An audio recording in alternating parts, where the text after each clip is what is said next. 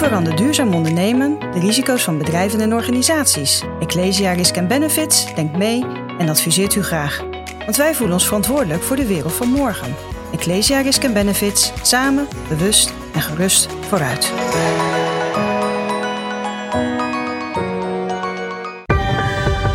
Ecosofie wordt mede mogelijk gemaakt door Renewy. Renewy. Minder nieuw, meer renew. Want afval bestaat niet. Duurzaamheid uh, is vaak wel een thema wat uh, veel mensen vinden dat uh, op mondiaal niveau opgepakt moet worden. En er kwam een interessant verhaal eigenlijk voorbij tijdens de Europese verkiezingen. Waarbij er een nieuw soort Europese partijen ontstond. die eigenlijk een ander soort visie op Europa hadden dan de reguliere partijen. Dat was Volt. een van hun standpunten dat ging ook expliciet over duurzaamheid. En uh, ik kon geconnect worden met uh, de voorzitter van de partij en de lijsttrekker, Renier van Landschot en uh, Laurens Dassen. Ik zeg trouwens de verkeerde volgorde. lijsttrekker Renier en voorzitter Laurens. voor de eerste keer dan ook een podcast met z'n drieën. dus ja, leuk dat jullie hiermee over in gesprek wilden gaan. Ehm, dus eens even praten over Europa. Renier. Ja. Wat kun jij daar allemaal over vertellen? Ja, over Europa kan ik denk ik uh, oneindig lang praten. Um, maar wat uh, voor nu eigenlijk het belangrijkste is, en ook het belangrijkste was voor Volt, is dat we om die grote problemen die we als maatschappij in de 21ste eeuw tegemoet gaan, zoals uh, duurzaamheid een centralere rol laten spelen in onze economie, of migratiestromen op een humane manier um, in goede banen leiden, dat dat volgens ons alleen maar kan als we Europa verder integreren. Dus daar heeft, uh, dat heeft centraal gestaan voor ons. Maar verder over Europa in zijn algemeenheid kan ik, uh, kan ik nog uren over andere dingen ook uitweiden. Ja, en uh, Volt ging over die energie die je voor Europa hebt. Tenminste, dat ja. is waar de naam Volt ook voor staat volgens mij. Hè? Ja, klopt. Er worden verschillende, uh, verschillende dingen achter gezocht. Vaak sommige mensen denken dat het geïnspireerd is door Voltaire en uh, dat soort zaken. Maar eigenlijk staat het vooral symbool voor de nieuwe energie die wij in Europa willen brengen. Ja, goed. Daar ben jij uh, vanaf hoe lang al volledig mee uh, voor aan het inzetten, baan opgezegd? Uh, nou, sinds december 2017. Toen kwam ik met Volt in aanraking bij een bijeenkomst in Amsterdam. Um, de drie oprichters die gingen met een trein een reis maken door Europa om op verschillende plekken mensen te ontmoeten die misschien mee wilden helpen. Um, toen ter tijd werkte ik nog bij Ahold op de commerciële afdeling van Albert Heijn. En um, ja, toen besloot ik die dag eigenlijk, ik ga me hiervoor inzetten. Dat werd meer en meer tot uh, 1 oktober 2018. En toen heb ik besloten om vanaf dat moment, uh, of dat besloot ik die zomer, maar vanaf 1 oktober ben ik fulltime als vrijwilliger voor Volt gaan werken. Ja, dus dat is alweer uh, bijna, bijna een jaar. Bijna een jaar nu, ja. En ja, dat had natuurlijk zijn piek tijdens de Europese verkiezingen. Klopt. Je bent uh, 29 nu, dus ja. best wel jong ook uh, om je daar volledig uh, op te storten. Um, dus dat is denk ik een beetje wat jouw kenmerkt baan opgezegd was bij Ahold. Ja.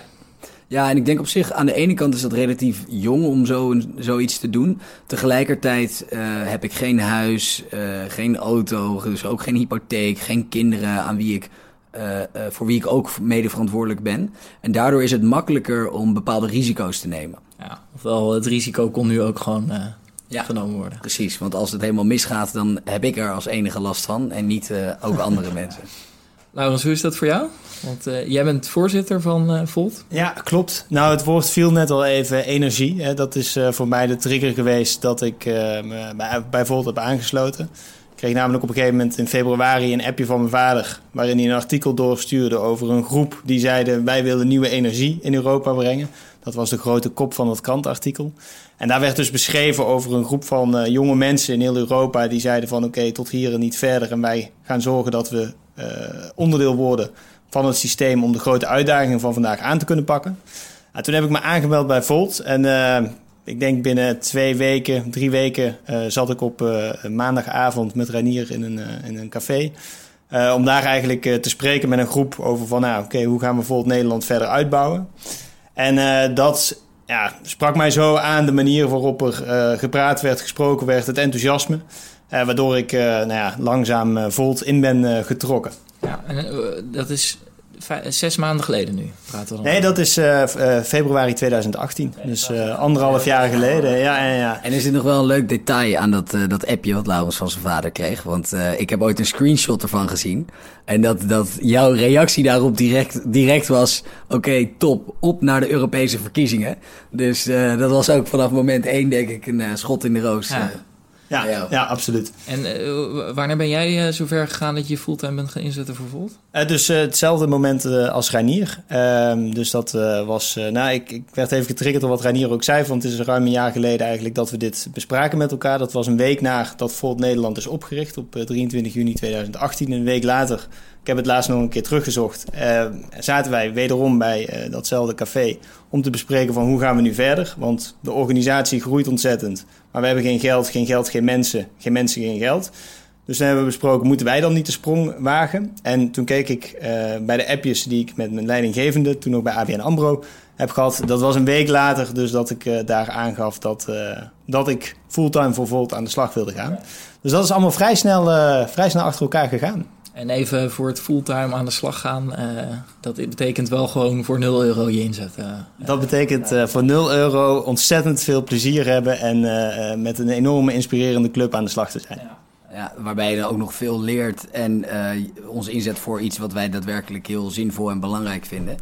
Maar het was wel zo voor mij, ik had dat nooit durven doen als ik niet tegelijkertijd met iemand kon doen die daar ook vertrouwen in had. Um, want ja, met z'n tweeën ben je toch veel meer vanaf moment één een team en kan je elkaars uh, uh, mindere punten aanvullen en ook elkaar versterken. Dus met de optelsom van, van met z'n tweeën samenwerken is groter dan de som der delen. Dus uh, ik had dat nooit in mijn eentje gedurfd. Ja, en jij bent lijsttrekker, nummer één op de lijst. Je bent het dichtst tegen ook daadwerkelijk een zetel in het Europees Parlement aangezeten. Jij was voorzitter.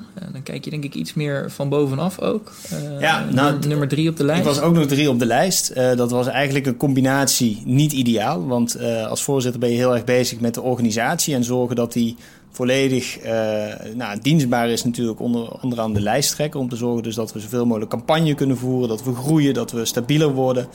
Um, dus daar ben ik heel veel tijd mee kwijt geweest, waardoor ik wat minder uh, tijd had om campagne te voeren. Dat vond ik uiteindelijk ook wel jammer, want ik heb ook een paar debatten gedaan. Dat is heel erg leuk om met elkaar in gesprek te gaan over, uh, over de uitdagingen.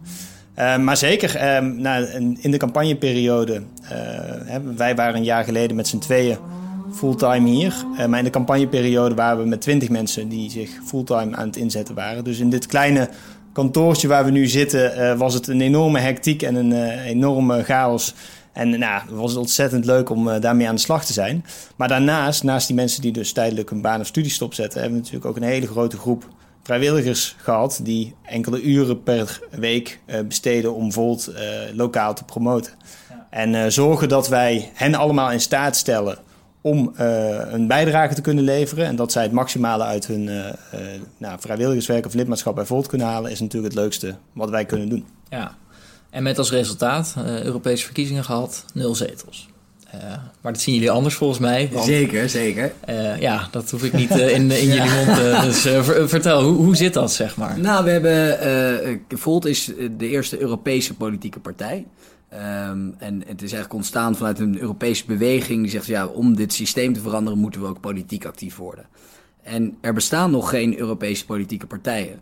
Dus om aan de verkiezingen mee te kunnen doen, moet je in ieder land afzonderlijk een uh, partij oprichten en daar aan bepaalde vereisten voldoen om mee te kunnen doen. En uh, ja, Volt is in een tijdsbestek van ongeveer twee jaar in alle Europese landen actief geworden. En we hebben uiteindelijk een, in acht landen meegedaan bij de Europese parlementsverkiezingen.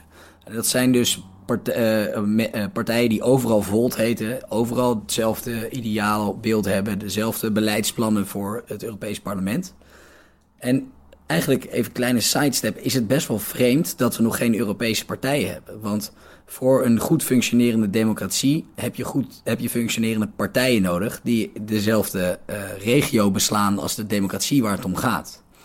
Um, stel je voor dat je Tweede Kamerverkiezingen had en alleen maar op lokale partijen zou kunnen stemmen.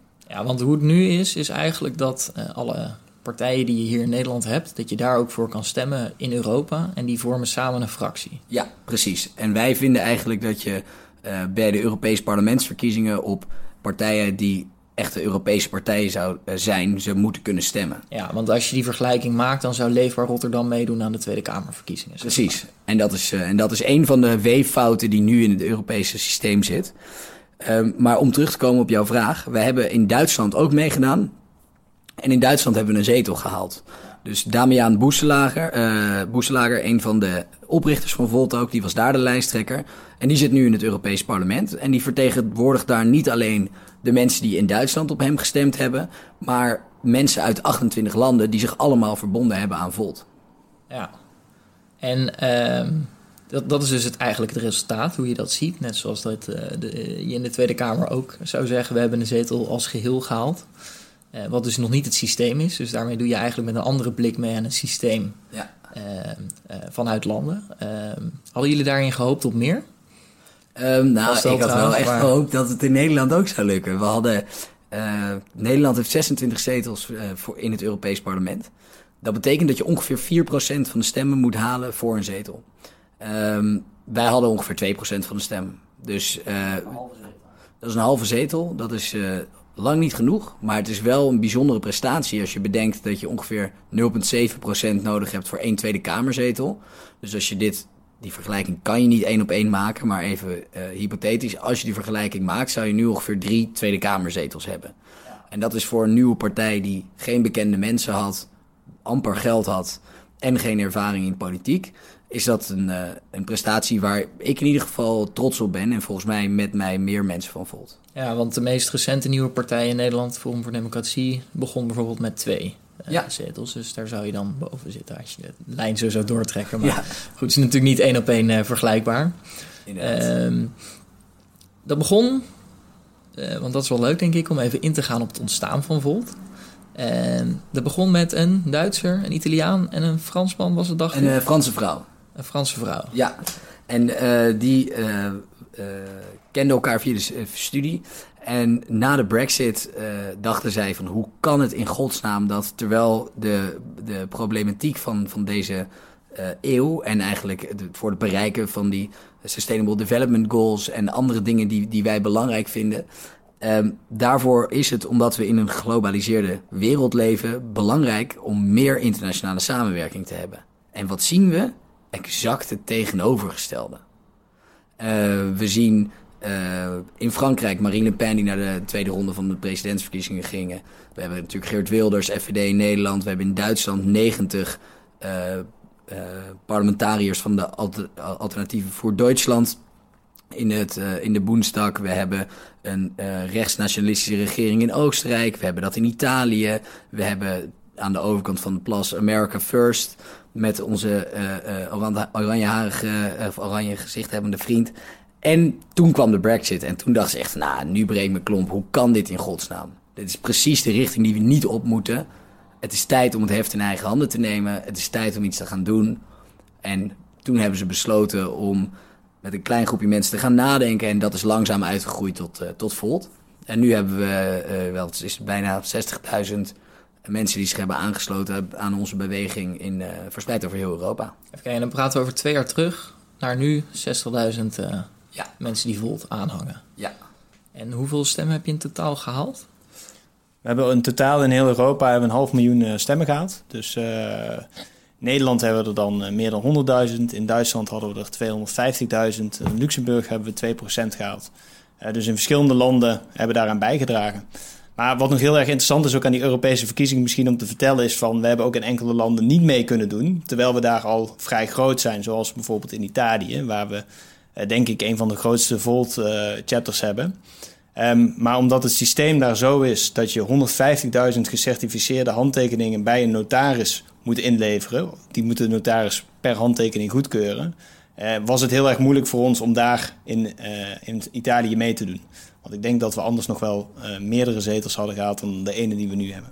Ja, dus eigenlijk als het systeem al zo was, dat, dat het Europese verkiezingen waren, zeg maar, als in dat eh, je, je kon stemmen op eh, ik, ook bijvoorbeeld op een Duitser of een Fransman of weet ik veel wie.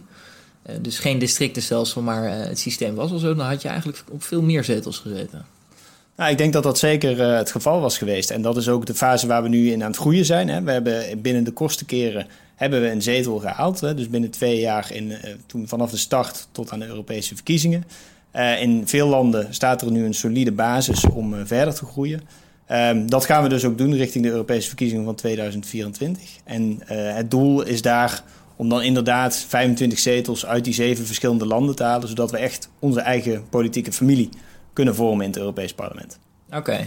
En um, ondertussen, 2024 is natuurlijk nog ver weg. Uh, tweede, tweede Kamerverkiezingen in Nederland onder andere een stuk dichterbij. Daar gaan jullie ook aan meedoen als Europese partij, dacht ik. Hè? Ja, zeker. Dat uh, is een van de volgende uitdagingen.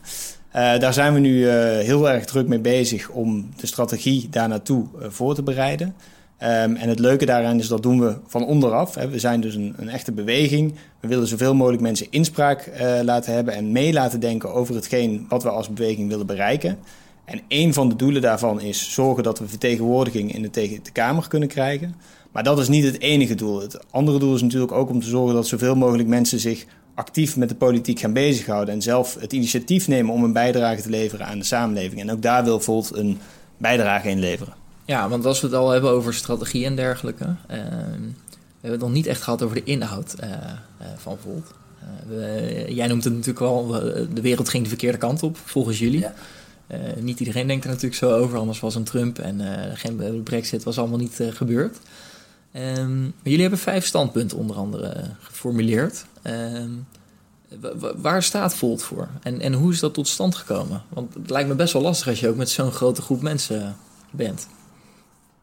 Ja, uh, dat, uh, dat klopt. Uh, maar dat, dat proces ging eigenlijk makkelijker dan ik had verwacht. Hoe we de, onze standpunten zijn geformuleerd zijn eigenlijk continu in, in samenspraak met onze achterban. met enquêtes over wat vinden we het belangrijkst van deze verschillende thema's. En toen zijn er mensen die specialisaties hebben vanuit hun studie of vanuit hun werk. Uh, zich in bepaalde onderwerpen gaan verdiepen, schreven daar conceptteksten voor, daar werd weer feedback op gegeven. Dat is een proces waar duizenden mensen uit heel Europa aan hebben meegewerkt. En daar kwam uiteindelijk één groot uh, document uit, uh, wat we hebben goedgekeurd met de beweging. En dat is het document geweest waarmee we meegedaan hebben aan de Europese parlementsverkiezingen. Um, ja, dat, dat is samen te vatten, was eigenlijk in drie hoofdpunten. Enerzijds fix de EU, Oftewel, we moeten de uh, Europese Unie verbeteren. Uh, hij functioneert niet goed genoeg en dat kan alleen als we veel verder integreren. Um, er gaan veel dingen mis, maar het is wel uh, de, de, de, de sleutel tot een succesvolle samenleving in de toekomst ligt wel in verdergaande Europese samenwerking. Dus dat was één gedeelte. Het tweede gedeelte was uh, maak van de Europese Unie weer een economische grootmacht. Dat ging veel meer over hoe we ervoor moeten zorgen dat we um, eigenlijk Europa klaarmaken voor de 21ste eeuw. Hoe gaan we de transitie van de vierde industriële revolutie met uh, alle verschillende technologieën die eraan komen, waar Europa nu eigenlijk de boot mist. Weet je, we lopen daar achter op de VS en op China. Hoe gaan we daarin in mee? En de derde uh, was een uh, rechtvaardige en duurzame samenleving. Dus dat gaat om op een humane manier omgaan met migratiestromen, maar ook een hele sterke klimaatagenda. Dan heb je het over kerosine belasten, om het even concreet te maken. Uh, dat, is een, dat is een goed voorbeeld, omdat het absurd is dat nergens kerosine wordt belast. Um, en eigenlijk willen landen daar niet mee beginnen, want dan ondermijnen ze hun eigen luchtvaartindustrie of hun eigen luchtvaartmaatschappijen of uh, luchthavens. En dat is ontzettend zonde, hè? want om die, uh, als we dat met z'n allen zouden doen, dan zouden we uh, de luchtvaartindustrie ertoe aanzetten om op een duurzamere manier te gaan vliegen. Um, en het is raar dat dat als enige niet belast wordt. Nou, dat soort dingen zou je op Europees niveau allemaal moeten doen. Um, dus dat is even één voorbeeld van wat wij Europees zouden willen regelen binnen die drie hoofdpunten die wij wilden realiseren Ehm, als we in het Europees Parlement zouden komen. En dat is dus met één iemand gelukt. Dus Damian is uh, hard aan het werk om die thema's uh, door te krijgen. En uh, wat, wat wil jij nog zeggen, Laan? Nou, hij zit daar dus ook in drie committees die zich specifiek met deze thema's bezighouden. Dus dat is heel fijn. Um, dus hij is ook daadwerkelijk in staat om echt de verklaring van Amsterdam, zo heet het document, die hoofdthema's, om daar ook echt invloed op uit te oefenen en om die verandering te bewerkstelligen. Ja, want uh, met die luchtvaart noem je wel een hele interessante. Dat is typisch zo'n punt waarvan iedereen zegt: ja, als wij dat doen, dan gaan de mensen niet in Amsterdam vliegen, maar dan rijden ze net de grens over naar Brussel of uh, naar Wezen of Düsseldorf, of weet ik veel waar, uh, naartoe. dus we leven wel met open grenzen en een, een, groot Europa, zeg maar. Ehm, want dan raak je gelijk de economie, de belastingheffing en, en het klimaat, wat daar eigenlijk de dupe van is. Ehm, en op het moment dat je dat dus gaat integraal maakt, vanuit een heel Europa, zouden jullie zeggen uh, daar ligt de oplossing. In plaats van zeggen, laten we ons nog meer terugtrekken en willen niet dat mensen ons bemoeien. En dan, dan komt het begrip soevereiniteit altijd naar boven. Ja, en eh, dit is een voorbeeld, maar er zijn er nog veel, veel meer. Want wat eigenlijk het interessante is, uh, voor een uh, groot gedeelte van onze samenleving is, zijn de landsgrenzen niet meer bepalend voor hoe ze hun leven leiden. Weet je? Dat, uh, dus we zijn eigenlijk al met bedrijven en mensen over landsgrenzen heen aan het leven. Alleen we zijn als samenleving heel nationaal georganiseerd. Ook binnen de Europese Unie bestaan de landen altijd centraal. En worden de belangrijkste beslissingen genomen op basis van unanimiteit. En ieder land heeft wel iets waar ze op tegen zijn, omdat het niet in hun eigen belang is. Zo is uh, Duitsland tegen strengere normeringen voor de auto-industrie, omdat dat bij hen heel groot is. Wil Polen niet dat kolencentrales gesloten worden, maar wil Frankrijk per se dat we tussen uh, Brussel en Straatsburg met het Europees Parlement heen en weer blijven reizen. Zo wil Nederland geen uh, belastingwetgeving die in heel Europa gelijk is. Waarom niet? Uh, dat is, vraag ik me af, want als we een ondergrens afspreken voor vennootschapsbelasting, dan kan je ervoor dan kan je stoppen dat er een race naar beneden ontstaat tussen de verschillende grote bedrijven, die daardoor veel minder belasting betalen dan MKB'ers. Nou, al dat soort thema's heeft wel een land iets waar ze op tegen zijn. En niemand is bereid in de huidige constellatie om water bij de wijn te doen. Terwijl als we allemaal een keer af zouden stappen van ons eigen belang centraal stellen, dan kunnen we als geheel hele grote stappen vooruit maken. Ja, en dat, dat is wel een goed punt, denk ik, wat je aansnijdt. Uh, dat gehele, uh, want we, we leven nu eigenlijk dan in een soort uh, toch wel geglobaliseerde wereld. Die nog ingesteld is op, jij noemt dat wel eens de jaren tachtig volgens mij, hoe het ja. georganiseerd is. ja. we moeten dat naar de 21ste eeuw trekken. Ja, en hoe komt het dan toch dat er zo'n beweging is die die terugtrekkende beweging maakt? Uh, van laten we toch meer, uh, veel meer nationalisme of nationalistisch doen. Uh, is dat, vroeger was alles beter, gedachtegoed? Of hebben jullie daar een idee van? Of is dat gewoon niet het verhaal waar jullie voor zijn? Ik heb daar wel een, zeker een idee van. Dat ontstaat deels door groeiende ongelijkheid. Deels door problematiek die de globalisering ook met zich meebrengt en deels door een verlies van identiteit. Die, die drie dingen samen zorgen ervoor dat mensen terugverlangen, of, ja, terugverlangen naar een verleden waarin uh, het in hun optiek uh, beter georganiseerd was. En die identiteit wel nog uh, als een duidelijk beeld, of als een paal boven water stond voor hen. Um, alleen, en, en op zich begrijp ik, die, begrijp ik die zorgen. En ik vind ook dat we daar iets aan kunnen en moeten doen.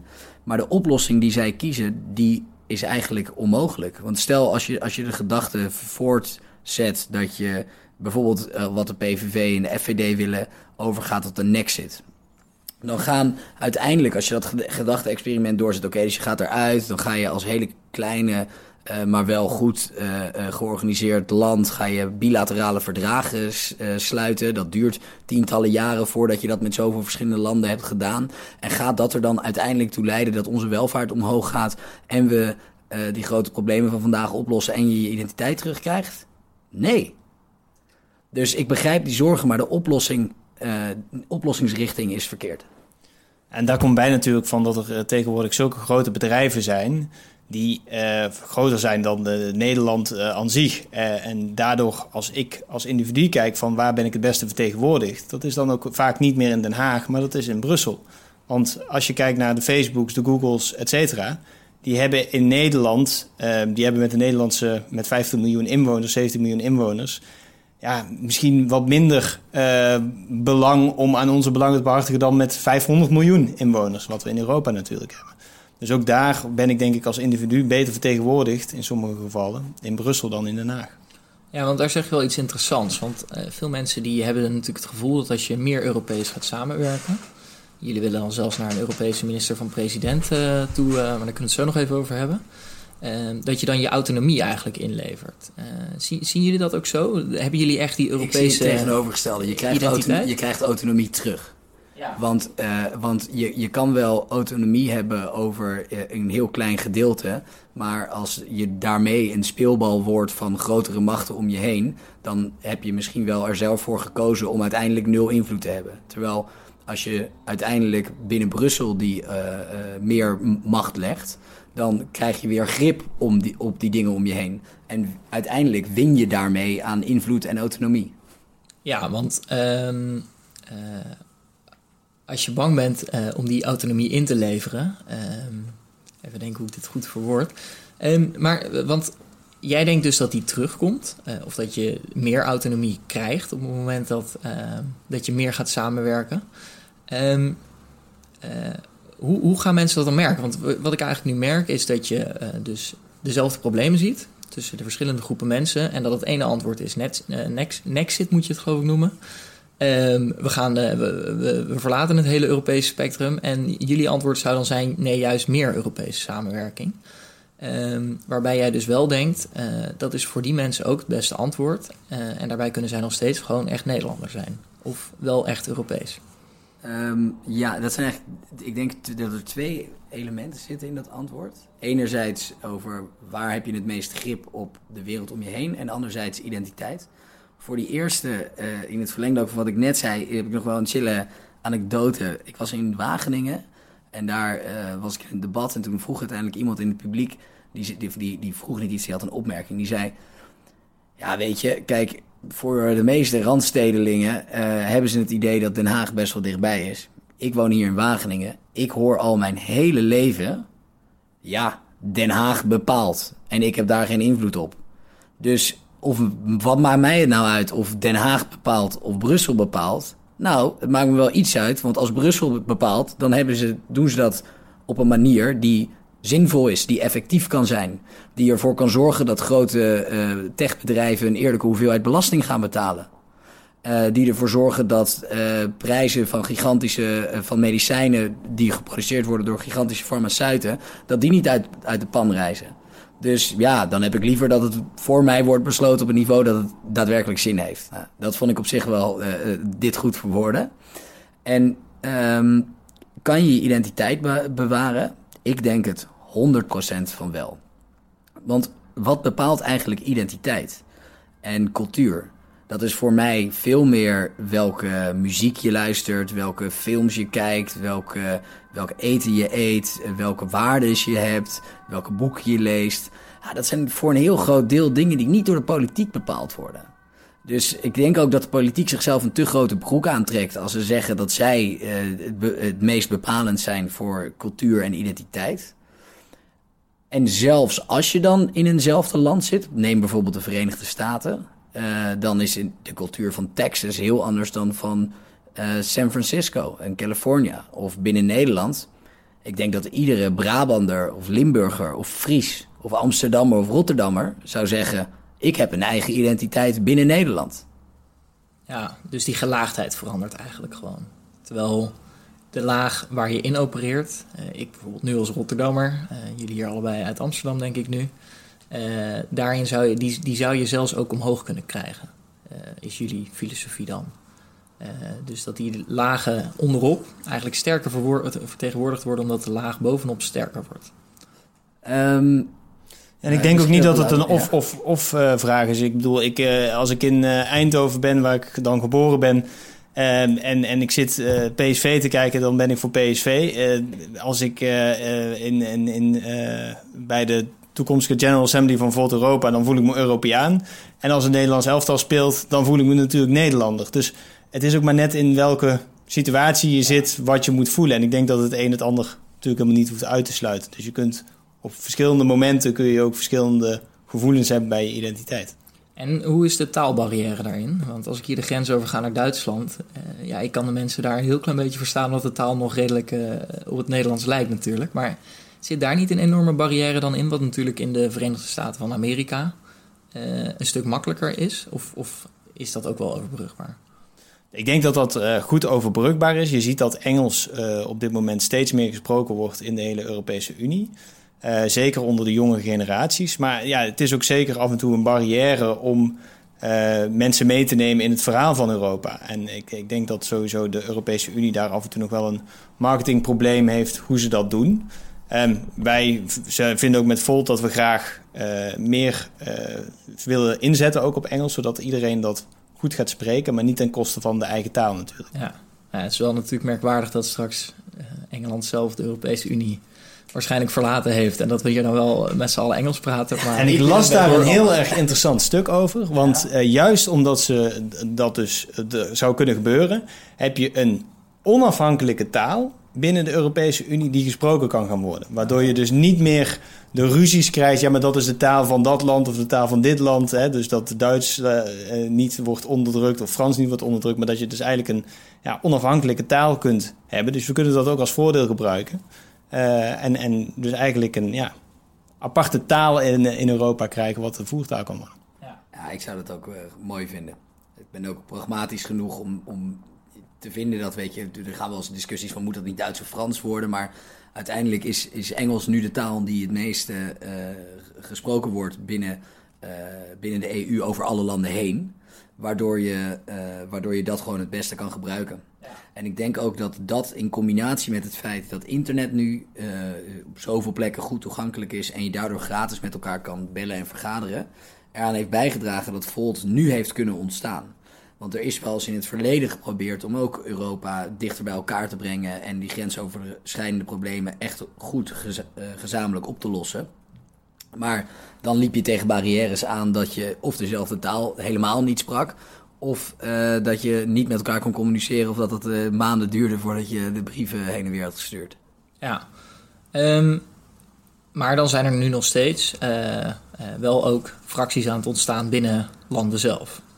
Uh, wat, wat jullie natuurlijk nu ook met, met Nederland doen. Ja, dat klopt. Um, want, want waar ligt uh, Volt een beetje op het spectrum? Is het heel links, rechts, uh, progressief? Dat, dat weet ik in ieder geval. Ehm, maar jullie doen ook geloof ik geen expliciete uitspraak over links-rechts strijd in, in, in het economische spectrum, zeg maar. Inderdaad, ik vind dat we toe zijn naar een andere manier van kijken naar welk uh, ideaalbeeld uh, streven we na in de samenleving en ook hoe definiëren we politiek en waar delen we partijen in. En het links-rechts denken vind ik meer iets van de, van de 20e eeuw dan uh, van de 21e eeuw. Um, en daarom, daarom heb ik ook het gevoel dat, dat het nog best wel kan verschillen hoe mensen ons zien. Kijk, als je ziet hoe erg de ongelijkheid toe, toeneemt en wat dat voor impact heeft op de samenleving. Uh, als je ziet dat er grote bedrijven zijn die amper belasting uh, betalen, uh, grote techbedrijven met name, dan, en je hoort ons dat zeggen dat wij daar wat, wat aan willen doen, dan kan je daarvan van zeggen, oh ja, dat is een super linkse gedachte. Maar tegelijkertijd zijn wij in veel andere economische aspecten weer heel liberaal. Dus ik zou ons niet ergens willen vastpinnen. Als het moet, dan een radicale middenpartij. Ja, en het oude links-rechts denken werkt natuurlijk ook heel veel, heel veel lammend met bepaalde thema's. Want als je bijvoorbeeld kijkt naar klimaat, hè, dat, dat is eigenlijk een bijna typisch links uh, vraagstuk. Terwijl klimaat is van ons allemaal. En het werkt verlammend als je dus ook dit soort grote vraagstukken in hokjes als links en rechts probeert te gaan duwen. Want dat betekent dus dat partijen zich daarna gaan gedragen in plaats van dat ze op zoek gaan naar een juiste oplossing. Um, en, en ik denk dat Volt daarin ook uh, dus ja, niet links en rechts, maar inderdaad naar de beste oplossing uh, wil gaan kijken. Ja, en wat, wat ik wel uh, interessant vond, nu we hebben die Europese verkiezingen nu een paar maanden terug gehad. Um, ik weet er toch ook niet zo heel veel van af. Zeker als ik het vergelijk met de rest van de politieke situatie. Uh, daar weet ik eigenlijk een stuk meer van af. Um, het is denk ik ook wel interessant om nog even in te gaan op hoe, hoe Europa is ontstaan eigenlijk. Doordat in de Tweede Wereldoorlog natuurlijk de boel nog aardig overhoop liggen. Uh, en daarnaast eigenlijk een beetje van de grond gekomen, denk ik. Kunnen jullie daar nog wat over vertellen? Nou, uh, Europa is natuurlijk uh, ontstaan vanuit een, een gedachte, deels ook gedreven door de Tweede Wereldoorlog, wat daar gebeurd is. opgericht met de gemeenschap van kolen en staal, waarbij zeven landen zijn gaan samenwerken om dus in ieder geval te zorgen dat de industrie, die de hoofdindustrie van de oorlog was, dat die in ieder geval gezamenlijk zouden gaan oppakken. Ehm, maar het gedachtegoed van Europa is natuurlijk ontstaan door de verschillende mensen die daar altijd een bijdrage aan geleverd hebben. Hè. Gedachten van mensenrechten, van gelijkheid, van solidariteit. en ik denk dat dat ook hetgeen is wat Europa definieert. En, en ook eigenlijk in de geschiedenis hetgeen is hoe Europa tot stand is gekomen. En ik, het, grappige daarin is dat dus als je kijkt naar we willen vrede en veiligheid op ons continent, we willen economische voorspoed en we willen bepaalde kernwaarden die wij hebben van vrijheid, democratie, de rechtsstaat, die willen we met dit instituut in stand houden. Um, het grappige dan is dat eigenlijk als je kijkt naar de periode van na de Tweede Wereldoorlog tot zeg maar 2000, dat heeft Europa en de Europese Unie waanzinnig goed gedaan. Dat is een weergaloos groot succes. Niemand had verwacht van, wow, daar hebben we honderden jaren alleen maar oorlogen, die mensen vliegen elkaar de haren in. Dat gaat nooit goed komen. Als je mensen spreekt van buiten de EU, eh, Amerikaanse hoogleraren die zich met dit soort thema bezighouden, dan hoor je vaak van, dit is een super groot succes. Onverwachts groot. En uh, dat wordt eigenlijk totaal niet ge gezegd, omdat politiek altijd nationaal is gebleven. En dus politici er geen belang bij hebben om te vertellen dat de Europese Unie het goed heeft gedaan. En uh, daarom wordt ook vaak als er iets fout gaat geroepen van hé, hey, dat, dat moet van Brussel. Terwijl ho eens even, jij was daar zelf en hebt zelf die afspraak mede gemaakt. Dus Brussel, dat ben jij. En dat zijn wij. En uh, uh, dus, dus de Europese Unie is een waanzinnig groot succes geweest. Alleen voldoet de huidige constructie niet meer aan wat er nodig is in de 21ste eeuw. Uh, Luc van der Middelaar heeft daar een ontzettend goed boek over geschreven. Dat is een man die daar jaren heeft gewerkt en alles vanaf weet. En die zegt van eigenlijk was uh, in eerste instantie toen de Europese Unie begon, was de gedachte wij gaan afspraken maken over hoe we in de toekomst gaan handelen. En daar maken we regels voor. En dat heeft dan die neveneffecten, die doelen die ik eerder noemde. Um, maar nu zijn we in een situatie gekomen waarbij de geglobaliseerde samenleving ons confronteert met gebeurtenissen. Dus in plaats van regelpolitiek in de toekomst, moeten wij met gebeurtenissen, op gebeurtenissen reageren. En is er sprake van gebeurtenissenpolitiek. Migratiestromen, een economische crisis, um, de klimaatverandering, de klimaattransitie die we niet op kunnen lossen. Dat soort gebeurtenissen, daar moeten we nu op ageren. Maar de Europese systematiek is niet ingericht om dat goed te kunnen doen. En uh, dat komt doordat je dus unanimiteitsbeslissingen hebt, doordat je nog geen echte Europese politiek hebt en daarmee ook geen Europees uh, publiek debat op een niveau waar het dat eigenlijk gevoerd zou moeten worden. En dat soort dingen willen wij met Volt op gaan lossen. Ja, want, als je, want dan zie je dus wel een stijgende lijn eigenlijk. Als je het vanaf na de Tweede Wereldoorlog pakt tot nu, uh, is het steeds meer samenwerking geworden ja. in plaats van dat het minder is. Ja. En dan wordt er wel eens een vergelijking gemaakt met de uh, Verenigde Staten van Europa. Is, is dat waar we al dicht tegenaan zitten? Of zitten we daar heel ver van af? En is dat ook jullie ideaalbeeld dan, zeg maar? Ja, het grappige, anekdote hè, was dat wij een keer bij een presentatie waren... en dat ik een beetje de Verenigde Staten van Europa, dat woord vermeed ik.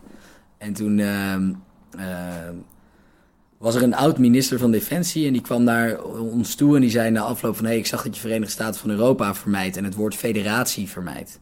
En uh, waarom doe je dat? Ja, dus sommige mensen hebben een negatieve associatie bij, dus... Uh... En toen zei dus die hele oude man, die zei van... Wat een gelul! Wat een gelul! En uh, sindsdien is dat een soort running gag geweest die, wij, nog heel vaak ophalen. En waarom is dat dan gelul? En hij zei van ja, de samenwerkingsvorm die de Europese Unie heeft, die heeft nog nooit een land of een, of een continent gehad. Dus uh, de, als je in de VS een vrachtwagen uh, ziet die van, het ene, van de ene staat naar de andere staat rijdt met gloeilampen, dan moet hij daar nog aan allerlei checks voldoen bij staatsgrenzen en zo. Onze interne markt is veel verder geïntegreerd. Dus op sommige punten zijn we veel verder dan de VS. Maar op andere punten weer helemaal niet. En daardoor is eigenlijk dat, ja, dat samenwerkingsverband is, zoals het volgens mij in het Latijn noemen, sui generis. Dus ik, ik weet niet even 100% zeker of die term klopt, maar dat dat de, enige in zijn vorm is. Oké. Het belangrijke hierbij is natuurlijk ook van eh, de, de, Europese Unie aan zich is niet het doel. Hè. Het is een middel om de uitdagingen eh, die we hebben samen op te lossen. En wij zien ook nog steeds dat verdere integratie op bepaalde punten ervoor zorgt dat we die uitdagingen dus ook echt aan zouden kunnen. Um, en dat was natuurlijk vaak een verschil wat gemaakt wordt van het gaat uh, over de Europese Unie erin of eruit. Maar het gaat niet van, hey, moeten we niet veranderen om te zorgen dat we de uitdagingen waar we allemaal, die we allemaal zien, dat we die aan kunnen pakken. Ja, want er is natuurlijk veel kritiek dan ook op de Europese Unie, hoe die, hoe die zeg maar nu is. Uh, hoor je vaak dat ja, belachelijke systeem uh, van het rijden, reizen tussen Strasbourg en Brussel is het ja, ja, ja, nou ja, dat ja, is ook belachelijk. dat, dat slaat het nergens op. 200 miljoen per jaar. En, en ja, voor iets symbolisch. Maar nog, nog veel. Ik word echt boos als ik zie van die uh, uh, subsidiefraudes die worden gepleegd in Hongarije. mensen die in het Europees parlement zitten en misbruik maken van, van onkostenvergoedingen en dergelijke. Ja, daar word ik ook woest van. Dat moeten we direct veranderen. Dus heel veel van dit soort dingen zijn inderdaad uh, terecht. Maar dan is niet de optie van: oké, laten we er dan maar uitstappen. Nee, dan moeten we zorgen dat we dat dus aanpakken en dat we dat veranderen. Hetzelfde met lobbyregisters. Van, het moet gewoon helder zijn met wie Europese parlementariërs spreken op het moment dat ze een stemming ingaan. Zodat er meer transparantie is, zodat mensen weten wat daar gebeurt.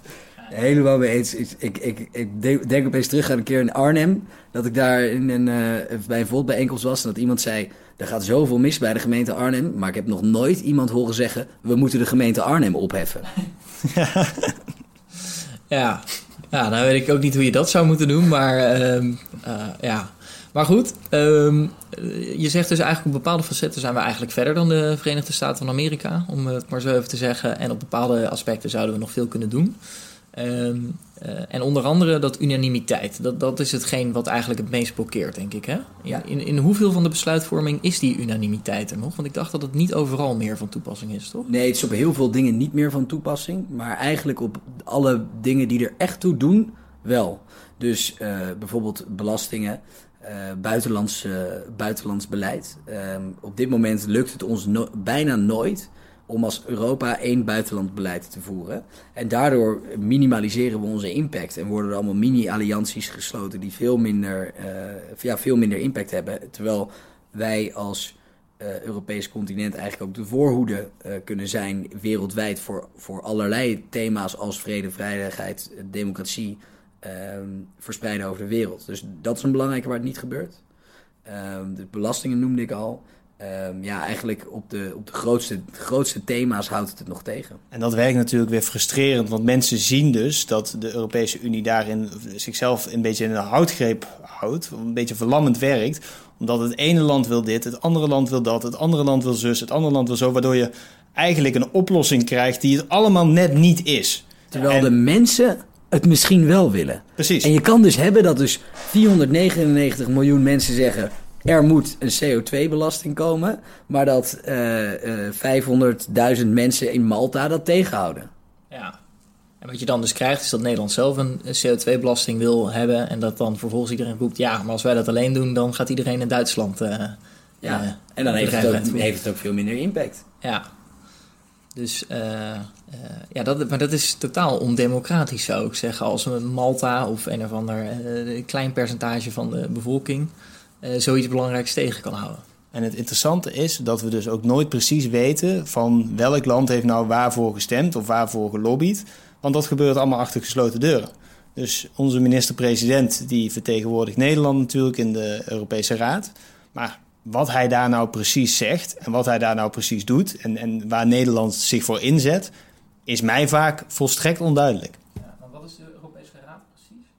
De Europese Raad is uh, de Raad van Regeringsleiders. Dus daar zitten de 28 uh, minister-presidenten van de verschillende landen in. En nou ja, dat is eigenlijk het orgaan wat de meeste beslissingen maakt. Dus ook vaak, hè, wat Reinier net al even aangaf... van als uh, mensen zeggen dat heeft Brussel besloten... dan zijn het dus die 28 regeringsleiders die dat besloten hebben. Die zetten het kader voor de Europese samenwerking. Die zijn nog belangrijker dan de Europese Commissie. Dat is een ja, groep van 28, soort, uh, 28 mensen die samen uh, wetten schrijven. En nog belangrijker dan het Europees Parlement, de mensen waar wij eh, op stemmen voor de, tijdens de Europese parlementsverkiezingen. Die, die raad heeft de grootste macht nog. En als je bijvoorbeeld ziet van migratie. Wacht heel even hoor, want ja. we hebben dan dus de Europese Raad met alle minister-presidenten van alle ja. premiers, zeg maar. Of presidenten, dat hangt natuurlijk van de regeringsvorm af. Dan heb je de Europese Commissie. Daar hebben we onder andere Frans Timmermans in zitten, dacht ja, ik. Dat, dat, dat is er ook één per EU-land. Ja. dus dat is eigenlijk ook niet naar bevolkingsgrootte afgestemd. Nee, dus dat is, heel, echt een districtenstelsel waar we in, in zitten dan. Behalve in het Europees Parlement, want daar hebben de grotere landen wel meer parlementariërs. Ja, en daar hebben wij dus 26 zetels en dat is bepaald op basis van ons, uh, onze bevolkingsgrootte dan. Ja, het is een wat moeilijkere formule van bevolkingsgrootte, oppervlak, economische inbreng, dat soort, uh, dat soort zaken volgens mij. Maar bevolkingsgrootte is de belangrijkste factor. Ja, en als we daar nog even op ingaan, het Europees Parlement, dat is het enige direct gekozen uh, orgaan. Dat, orgaan binnen de Europese Unie. En daar is ook veel kritiek op, dacht ik. Hè? Ja, een van de moeilijke dingen is dat ze bijvoorbeeld geen recht van initiatief hebben. Dus onze direct vertegenwoordiger, direct verkozen vertegenwoordigers in Europa mogen niet zelf met wetten komen. En dat mag de Tweede Kamer in Nederland bijvoorbeeld wel. Ja, dus de commissie die komt eigenlijk, hè, de Europese Commissie, die komt met wetsvoorstellen. Uh, die moeten door het Europees Parlement, die mogen daar wel wat van vinden. Die moeten ze goedkeuren, die mogen eventueel amendementen schrijven. Uh, en als die het goedgekeurd hebben, dan moet het dus ook weer naar de Europese Raad, dus de minister-presidenten, en die moeten het ook weer goedkeuren. Als een van die twee zeggen van hé, hey, dat willen we zo niet, dan moet het weer terug naar de commissie en die moeten dan weer aanpassingen gaan doen. Dus de Europese parlement heeft wel inspraak, hè, mag meedenken, maar mag niet zelf met uh, wetsvoorstellen komen. En dat is inderdaad heel raar, want dat zou hetzelfde zijn als in de Tweede Kamer mensen niet zelfs met uh, voorstellen mogen komen en daarover stemmen. Ja, dus eigenlijk alleen maar mogen reageren in plaats van uh, mogen initiëren. Precies, en de Europese Raad die zet het framework waarbinnen het Europese parlement dus nou ja, kan, kan opereren. Ja, en waar komt de Europese Commissie dan vandaan? Hoe word je daarvoor gekozen? Dat, uh, wordt, dat is een heel complex, heel nou, complex proces. Over achter gesloten deuren. Dat, dat helemaal is, uh... achter gesloten deuren door de verschillende re regeringsleiders wordt bepaald. En dan moet het daarna goedgekeurd worden door het Europees Parlement. Maar dat is een heel onderzichtig, uh, slecht proces. Als je Wat heel fascinerend is, is de Europese parlement heeft een voorstel gedaan om dat dus transparanter te maken. Ze hebben de zogenoemde spitsenkandidaten. Dus van elke Europese fractie of familie heeft een spitsenkandidaat naar voren uh, gebracht. Dus dat was de Frans Timmermans voor de SND en Bas Eickhout voor de Groenen, twee Nederlands.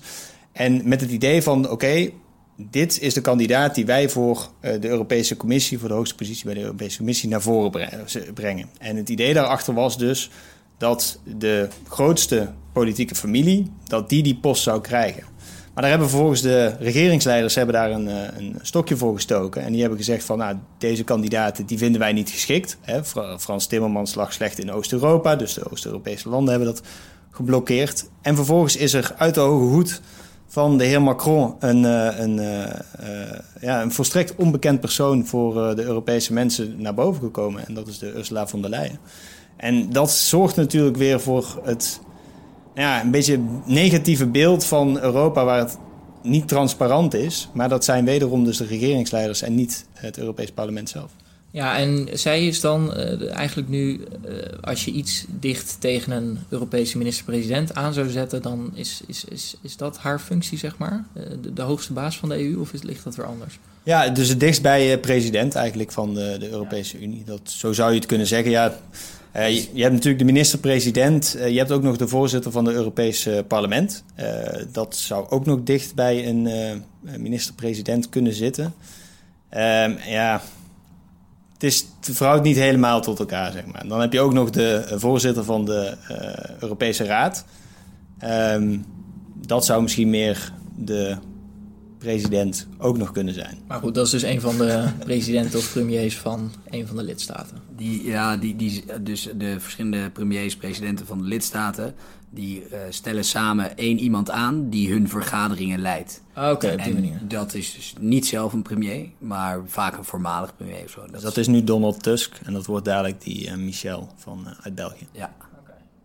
En wat, er dus, wat, wat een ander voorbeeld is over waar die unanimiteit blokkeert en de Europese Raad zeg maar ondoorzichtig is, is bij migratie. Als wij uh, even een duidelijk onderscheid tussen vluchtelingen en uh, economisch migranten. Als we puur het over vluchtelingen hebben, dan is de hoeveelheid vluchtelingen die naar Europa wil komen eigenlijk prima behapbaar voor ons. We kunnen dat eh, met een fractie van onze welvaart en zonder dat het onze cultuur rigoureus verandert, makkelijk opvangen. Alleen houden landen als Hongarije en Polen een verdeling van vluchtelingen over de EU houden ze tegen. Terwijl als we zouden zeggen, jongens, iedereen moet een x aantal vluchtelingen, want dat zijn echt mensen in nood, hè, dus geen arbeidsmigranten, die moeten ze opnemen. En hoeveel je er moet opnemen is afhankelijk van uh, je hoeveelheid inwoners, je uh, geografische, of je, de ruimte in je land en de economische situatie. En op basis daarvan maken we een verdeelsleutel en iedereen krijgt zijn fair share. Ja, dat is dus onmogelijk, omdat een paar landen dat tegenhouden. Oké.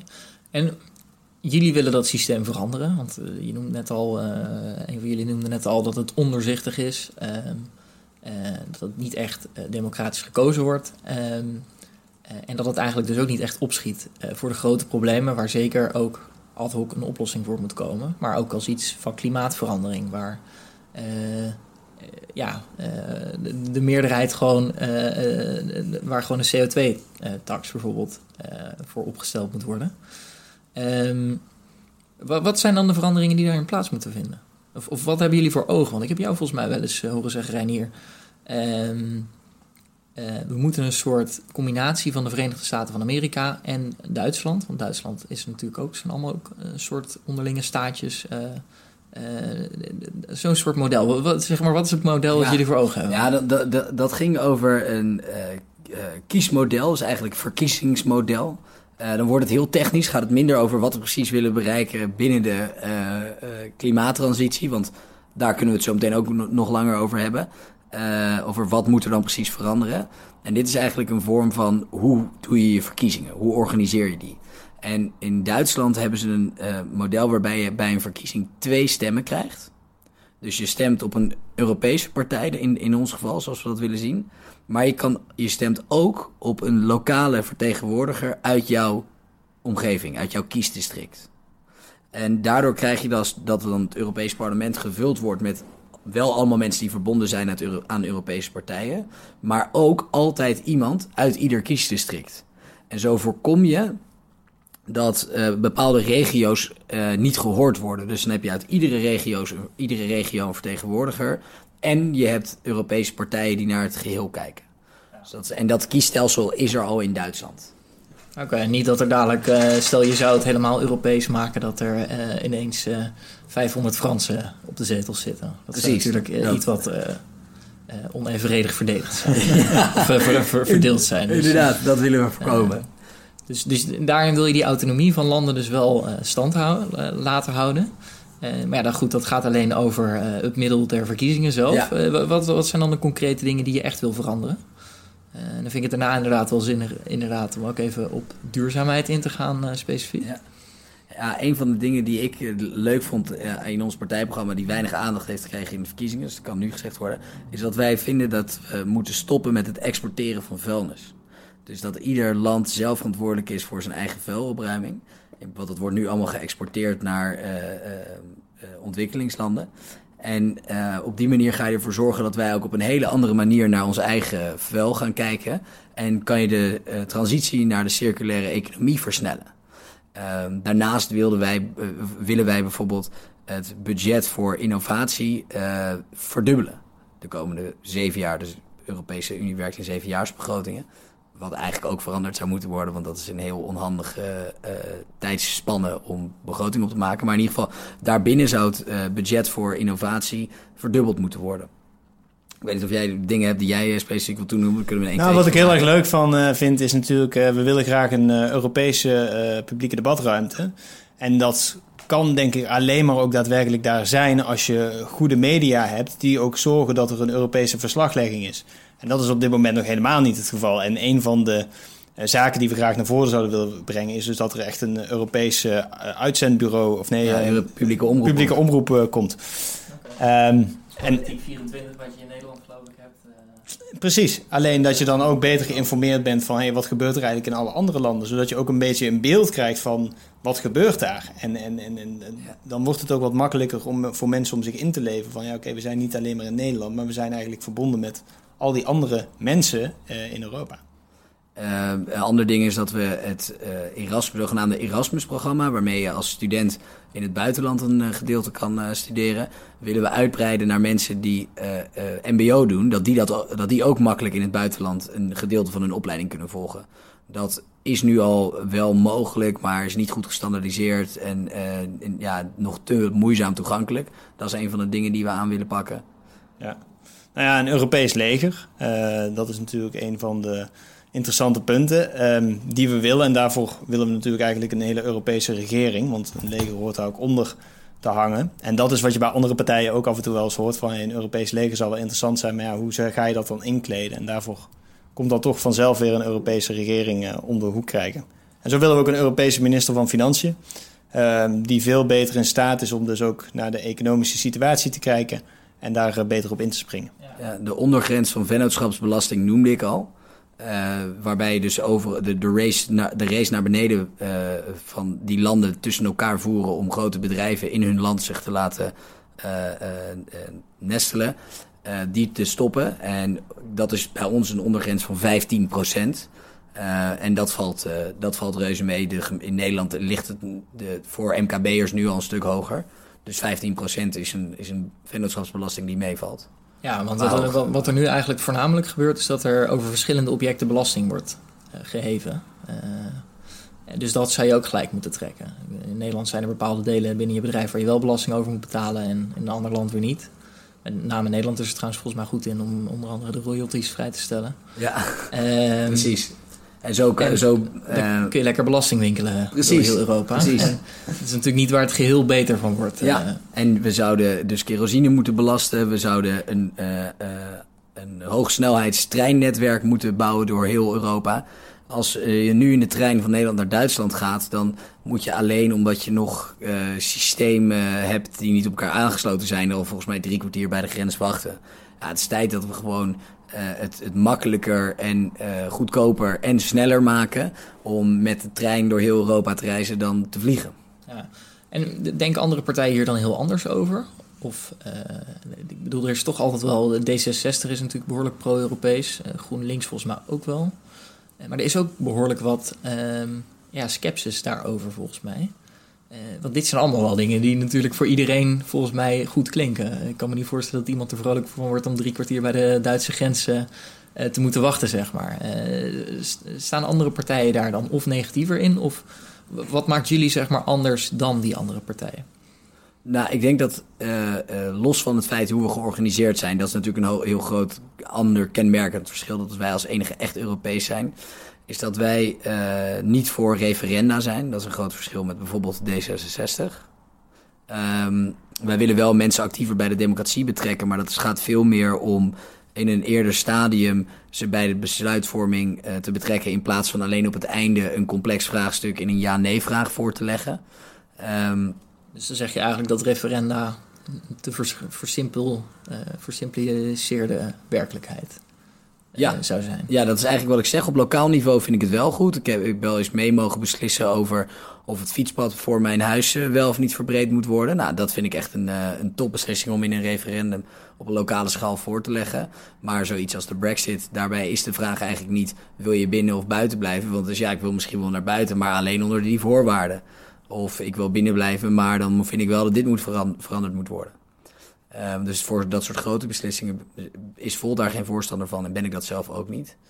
Um, andere dingen waar Volt voor staat die in Nederland redelijk normaal zijn, maar in landen als Polen vrij controversieel, is dat wij voor uh, het recht op, abortus zijn, dat we voor uh, de homohuwelijk zijn. Eigenlijk alle progressieve dingen die voor ons al redelijk vanzelfsprekend zijn, maar dat in de rest van Europa nog niet zijn. En dat vind ik ook wel heel vet aan, aan Volt, dat wij dus ons inzetten voor het uh, recht van mensen, voor mensen om, van het gelijke geslacht om te trouwen in alle landen van de EU. En uh, dat kan nog steeds in twaalf landen niet. Maar ik kan me ook wel voorstellen, ik bedoel, ik ben daar ook groot voorstander van, maar dat het je ook wel beperkt. Want daarin pak je dus ook autonomie af van landen.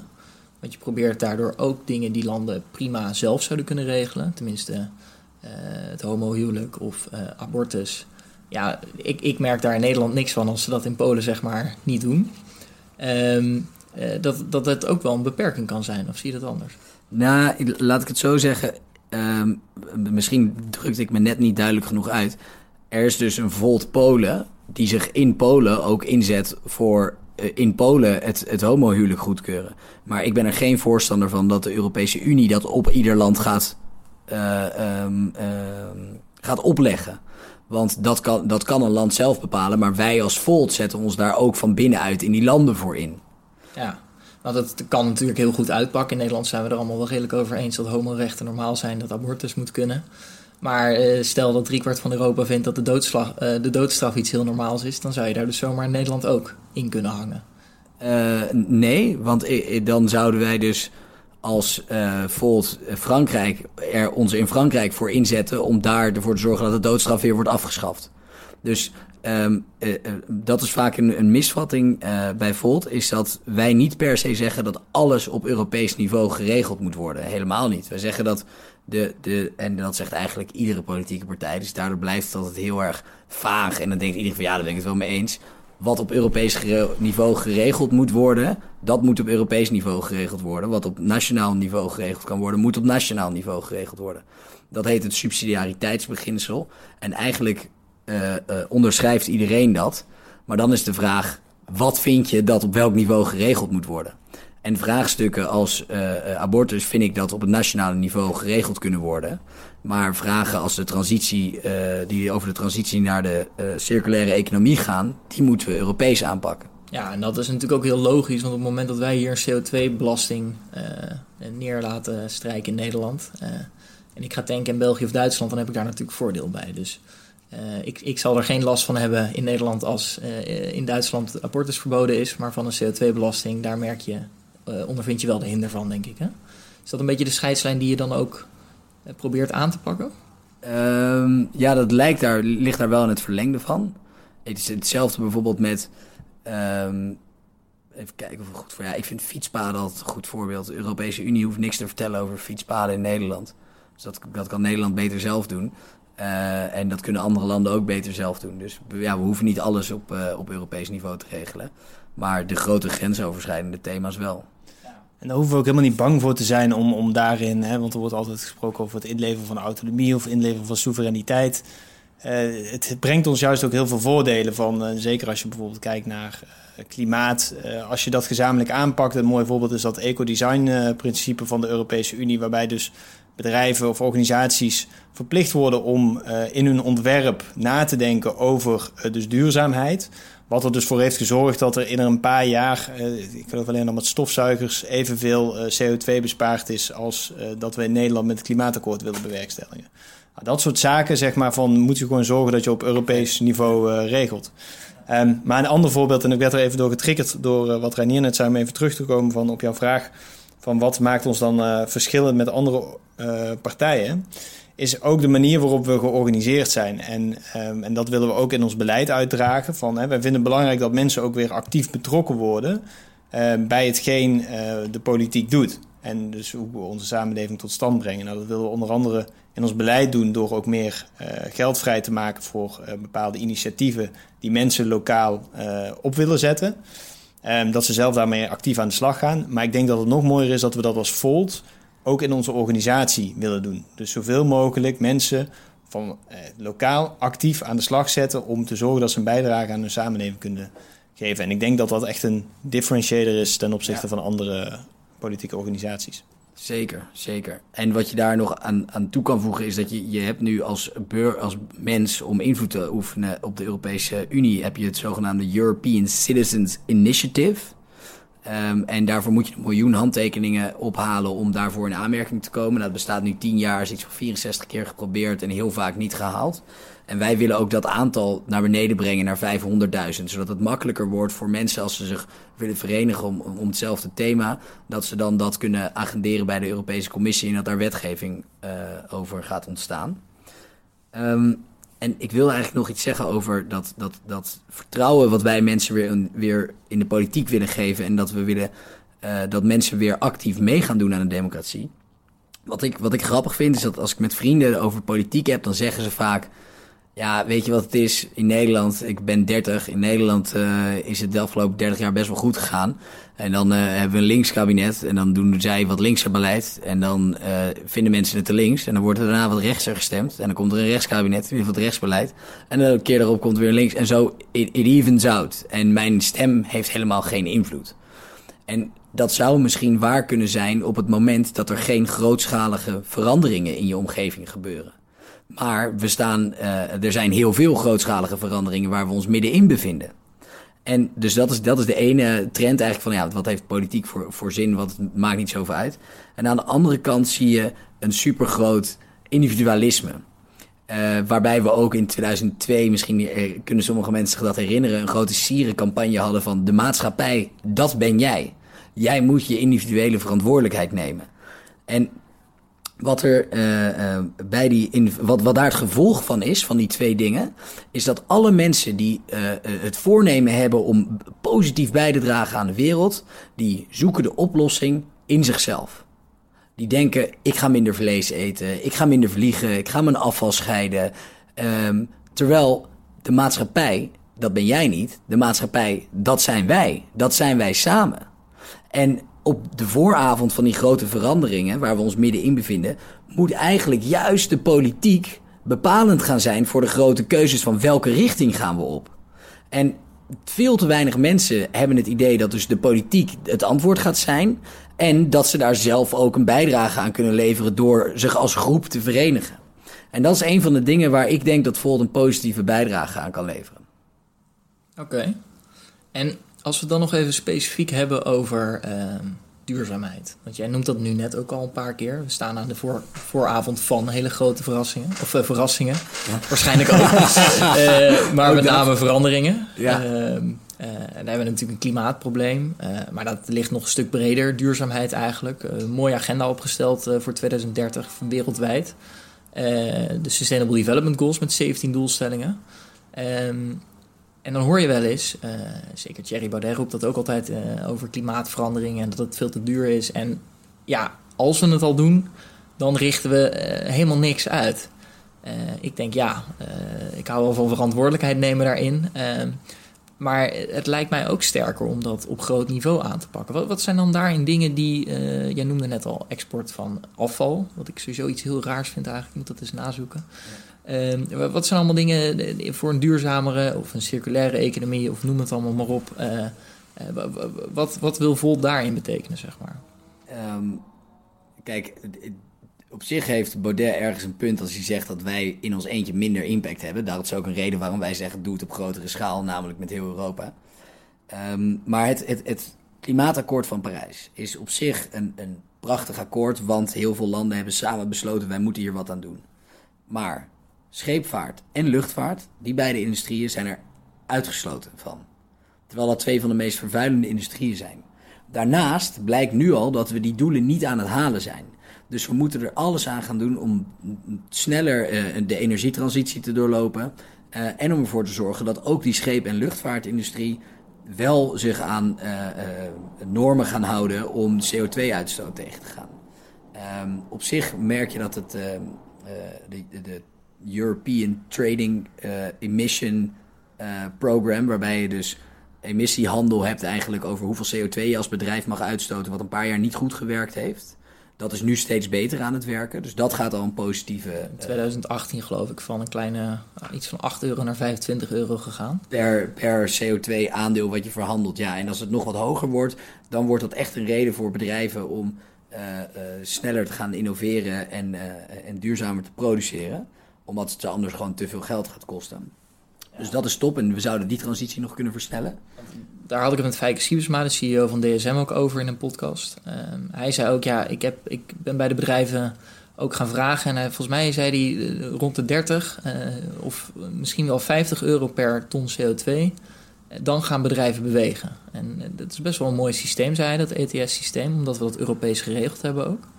Um, dus dat soort dingen, die zijn belangrijk dan ook. Ja, zeker. Ja, maar ook dus uh, zorgen dus dat je de, de omdraai maakt naar meer uh, duurzame landbouw. Uh, en dat je daar dus ook als Europese Unie meer op inzet. Dus hè, een groot deel van het budget van de Europese Unie gaat nu naar landbouw. Ehm, maar dat kan bijna ja, echt heel erg veel. Dus, maar dat kan natuurlijk nog beter ingezet worden om te zorgen dat ook die transitie gemaakt wordt. Ehm, en dus dat je meer kleinschalige, uh, duurzame uh, ondernemingen uh, gaat stimuleren. Oké. En verder nog andere dingen? want ik wist ook niet dat een derde van de budget naar landbouw ging, eerlijk gezegd. Ja, ja dat is gigantisch, gigantisch veel. Nou, we zijn natuurlijk, en dat is natuurlijk al een transitie die de Europese Unie natuurlijk zelf ook al uh, druk mee bezig is, natuurlijk met de, de ban on plastic. Uh, van dat je dus naar een plasticvrije uh, samenleving toe beweegt. Nou, dat willen wij natuurlijk ook graag dat daar op ingezet wordt. Dus zo zijn er nog wel meer zaken waar we natuurlijk mee bezig zijn. We zijn kijken met onderzoek naar voedsel, maar ook dus zorgen dan dat ehm, mensen gezonder eten um, en beter weten ook van wat hebben ze op hun bord en waar komt het vandaan. En merk je daar nog in dat de slagkracht daar nu af en toe in ontbreekt of valt dat wel mee? Um, nou, ik denk dat in heel veel zaken nog de transitie sneller gemaakt moet worden. Uh, en dat misschien de slagkracht op dit moment ontbreekt omdat de echte wilskracht er nog niet is. Dus uh, ik geloof namelijk dat op het moment dat we echt met z'n allen uh, die transitie willen maken, dan is dat prima te doen. En heel veel mensen willen dat. En ik, ik begrijp ook niet waarom, het, waarom dat af en toe te langzaam gaat. Ja, en ook als mensen zeggen van ja, maar dan kost het geld. Dan zeg ja, het, het, redden van het feit, het redden van een leefbare wereld, dat mag prima wat kosten. En dan moeten de sterkste schouders de zwaarste lasten dragen, zodat we niet mensen die in de, in de meest gedupeerde groep zitten of die, die weinig inkomen hebben, dat, dat daardoor in de problemen raken. Maar ja, het mag wel wat kosten. Ja, dan moet het natuurlijk zeker niet zo zijn dat uh, de sterkste schouders uh, geen belasting hoeven te betalen, zeg maar. Ja. Uh, dus, dus daarin zou je eh, als Volt zijnde ook wel aan slagkracht nog kunnen winnen. Door, dat, door die koppeling te maken dus ook. Door een rechtvaardiger belastingssysteem en dat koppelen aan klimaatregelen maatregelen bijvoorbeeld. Um, de koppeling gaat denk ik voor sommige dingen op, maar niet per se voor alles. Maar het, ja, het is meer dat, dat voor de grote uh, transities van technologie, van uh, energie waar we voor staan, dat je daar ook totaaloplossingen moet, moet bedenken. Dus eigenlijk al die verschillende onderdelen van hoe je je maatschappij wil inrichten, die, die haken in elkaar. Dus die hebben wel in, in, op die manier met elkaar te maken. Oké, en dan nog iets anders. Want je hebt natuurlijk de discussie vaak dat Noord- en Zuid-Europa best wel uit elkaar liggen. Qua ja, ook wel klimaat, maar ook qua handel en qua leefwijze en dergelijke. Is, is dat niet een valide probleem wat nog wel een staande weg is voor een totaal Europa? Het is zeker een valide probleem. Als je kijkt naar de geschiedenis van hoe de, de euro is ontstaan, dan was er in 1989, mijn geboortejaar ook, toen, toen viel de muur. En toen wilde Duitsland graag herenigen. West- en Oost-Duitsland weer samenvoegen. En tegelijkertijd wilde Frankrijk al heel lang af van de Duitse D-mark die zo sterk was dat hij eigenlijk alle verschillende valuta's in Europa een beetje dicteerde. En uh, Frankrijk was dus groot voorstander van één gezamenlijke munt. En er was altijd gezegd door economen en mensen die er verstand van hebben: je moet eigenlijk pas eenzelfde munt introduceren op het moment dat je economieën ongeveer gelijk zijn. Want die uh, uh, munt heeft ook een functie en daar kan je je economie op, in, als het in een andere uh, conjunctuur komt, kan je het mee, recht, mee rechtzetten. Dus dat moet je alleen doen als je dezelfde economie hebt. Maar toen dus de muur viel en toen hebben eigenlijk Frankrijk en Duitsland met elkaar om de tafel gezeten, oké, kunnen we hier iets moois van maken voor ons beiden? En toen hebben ze een deal gesloten om de euro in te voeren en Duitsland te laten herenigen. Ja, die euro is dan tien jaar later, dat lijkt veel, veel langer, maar of het lijkt heel lang, maar dat valt wel mee, ingevoerd. En toen zeiden de politici, ja, weet je, als we nou die euro hebben, dan gaan die economieën vanzelf naar elkaar toe groeien. Ja. Terwijl eigenlijk iedereen die er toen verstand van had, wist van oké, okay, that ain't gonna happen. Um, en je ziet ook dat sinds de euro is ingevoerd, eigenlijk die economieën niet naar elkaar zijn toegegroeid. Dus dat is een valide probleem. En uh, uh, is de euro dus te snel ingevoerd? Ja. Um, was het misschien beter geweest als het nog niet was gedaan in dat stadium, of alleen met een gedeelte van de landen? Ik denk het ook. Alleen zitten we nu in de feitelijke situatie dat we die euro gezamenlijk hebben. En lijkt het mij beter om vanuit deze situatie samen voorwaarts te gaan. En daarvoor moet de Europese Centrale Bank meer bevoegdheden krijgen, zodat die zelf aan de touwtjes kunnen trekken om de verschillende economieën omhoog te helpen. En daar hebben ze nu nog te weinig bevoegdheden voor. Oké. En een euro en een euro wat geopperd wordt wel eens, dus een Noord-Europese euro en een Zuid-Europese euro, dat, dat zou... Hebben jullie daar nog een mening over als Volt zijnde? Of uh, is het eigenlijk... Uh, want waarom zou het beter gaan op het moment dat je het meer nog naar de Europese Centrale Bank brengt? Um, om eerlijk te zijn is dit niet mijn allergrootste field of expertise. Dus ik kan dat niet goed genoeg uitleggen om nu helemaal. Uh, het is natuurlijk zo dat die euro die houdt, die houdt elkaar, die houdt natuurlijk, die zorgt ervoor dat de export voor Noord-Europese landen makkelijker is en de Zuid-Europese landen eigenlijk altijd een begrotingstekort hebben. Um, een sterke euro zorgt ervoor dat een minder efficiënte economie lastiger kan exporteren. En dat is wat je op dit moment dus ziet. Hè? Dus dat is wat dus ook Reinier bedoelt, dat eigenlijk de economieën gelijkwaardig ongeveer moeten zijn, wil je zo'n munt invoeren. Dus nu houden ze elkaar een beetje in de houtgreep, omdat Noord-Europese landen, dus ook deels Zuid-Europese landen, uh, van het begrotingstekort moeten voorzien. Of hè, we moeten zorgen dat ze dat uh, gefinancierd krijgen. Um, een, een, een, euro en een euro, uh, ik moet eerlijk zeggen, ik, ik heb daar ook op dit moment niet een paraat antwoord voor van moeten we daar wat mee of, uh, of niet. Ik weet in ieder geval wel dat daar niks over in ons programma ja, staat. In, het, in zijn algemeenheid zeggen wij wel, wij willen verdergaande Europese integratie. Maar omdat we met 28 landen nu unanimiteit moeten bereiken voordat we verdragswijzigingen kunnen doen, kan het zijn dat we te langzaam gaan.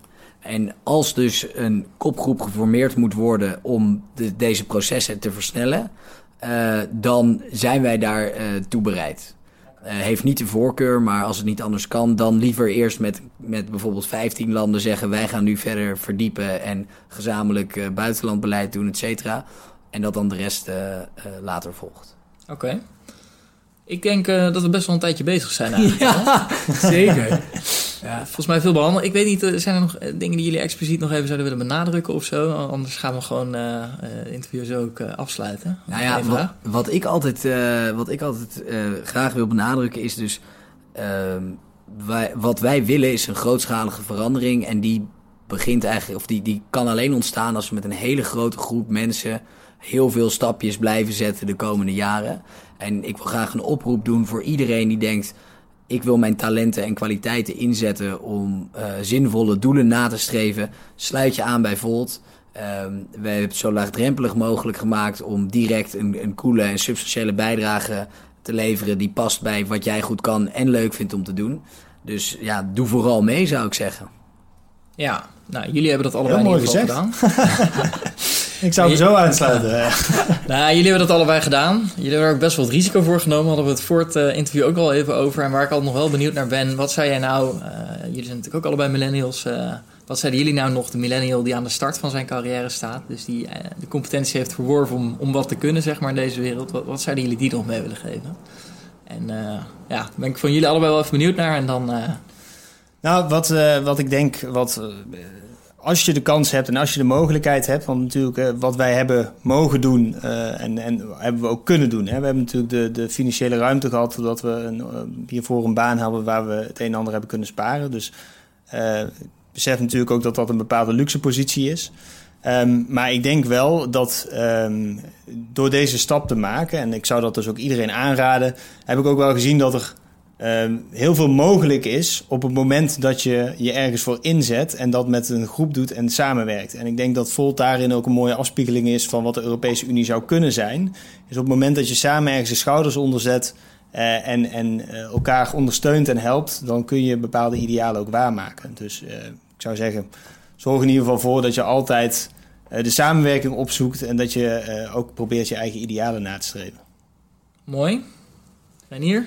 Um, ja, een, een uitspraak die mij altijd uh, uh, aan het denken, of die mij aan het denken heeft gezet, is: um, We are defined by our actions, not by our words.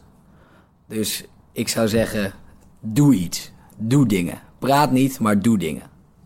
Oké. En het hoeft niet per se politiek te zijn, maar doe iets. Ja, kan natuurlijk op heel veel verschillende manieren. Maar eh, jullie eh, hebben dat in ieder geval voorlopig politiek gekozen.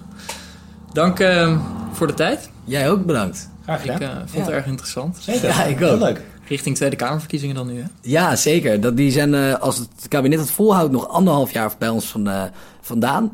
En eh, wij zijn van plan om ook daar weer zoveel mogelijk mensen te betrekken. Dus als je de ambitie hebt om politiek te bedrijven, Marnix, en je zou ooit op een lijst voor een Tweede Kamerverkiezing willen komen, ja, dan kan je je aanmelden bij ons, kan je in leerprogramma's komen. En wie weet, campagne voeren en over anderhalf jaar in de Tweede Kamer. Eh, de eh, doelen van de SDG's eh, na laten streven door heel Nederland. Ja, ik, ben, ik ben zelf nog redelijk aan het zoeken, eh, zweven qua politieke voorkeur. Dus ik ben erg benieuwd. Ik vond het een inspirerend verhaal. Eh, zitten jullie daar, Tweede Kamer, over twee jaar?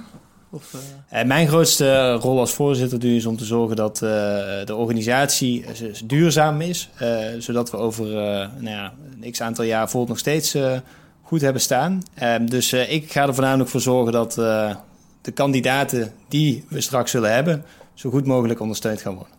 En jij, Renier, eh, wel? Eh, nou, voor mij, kijk, uiteindelijk, wij zijn een democratische partij, dus de leden bepalen wie op welke plek op de kandidatenlijst komt.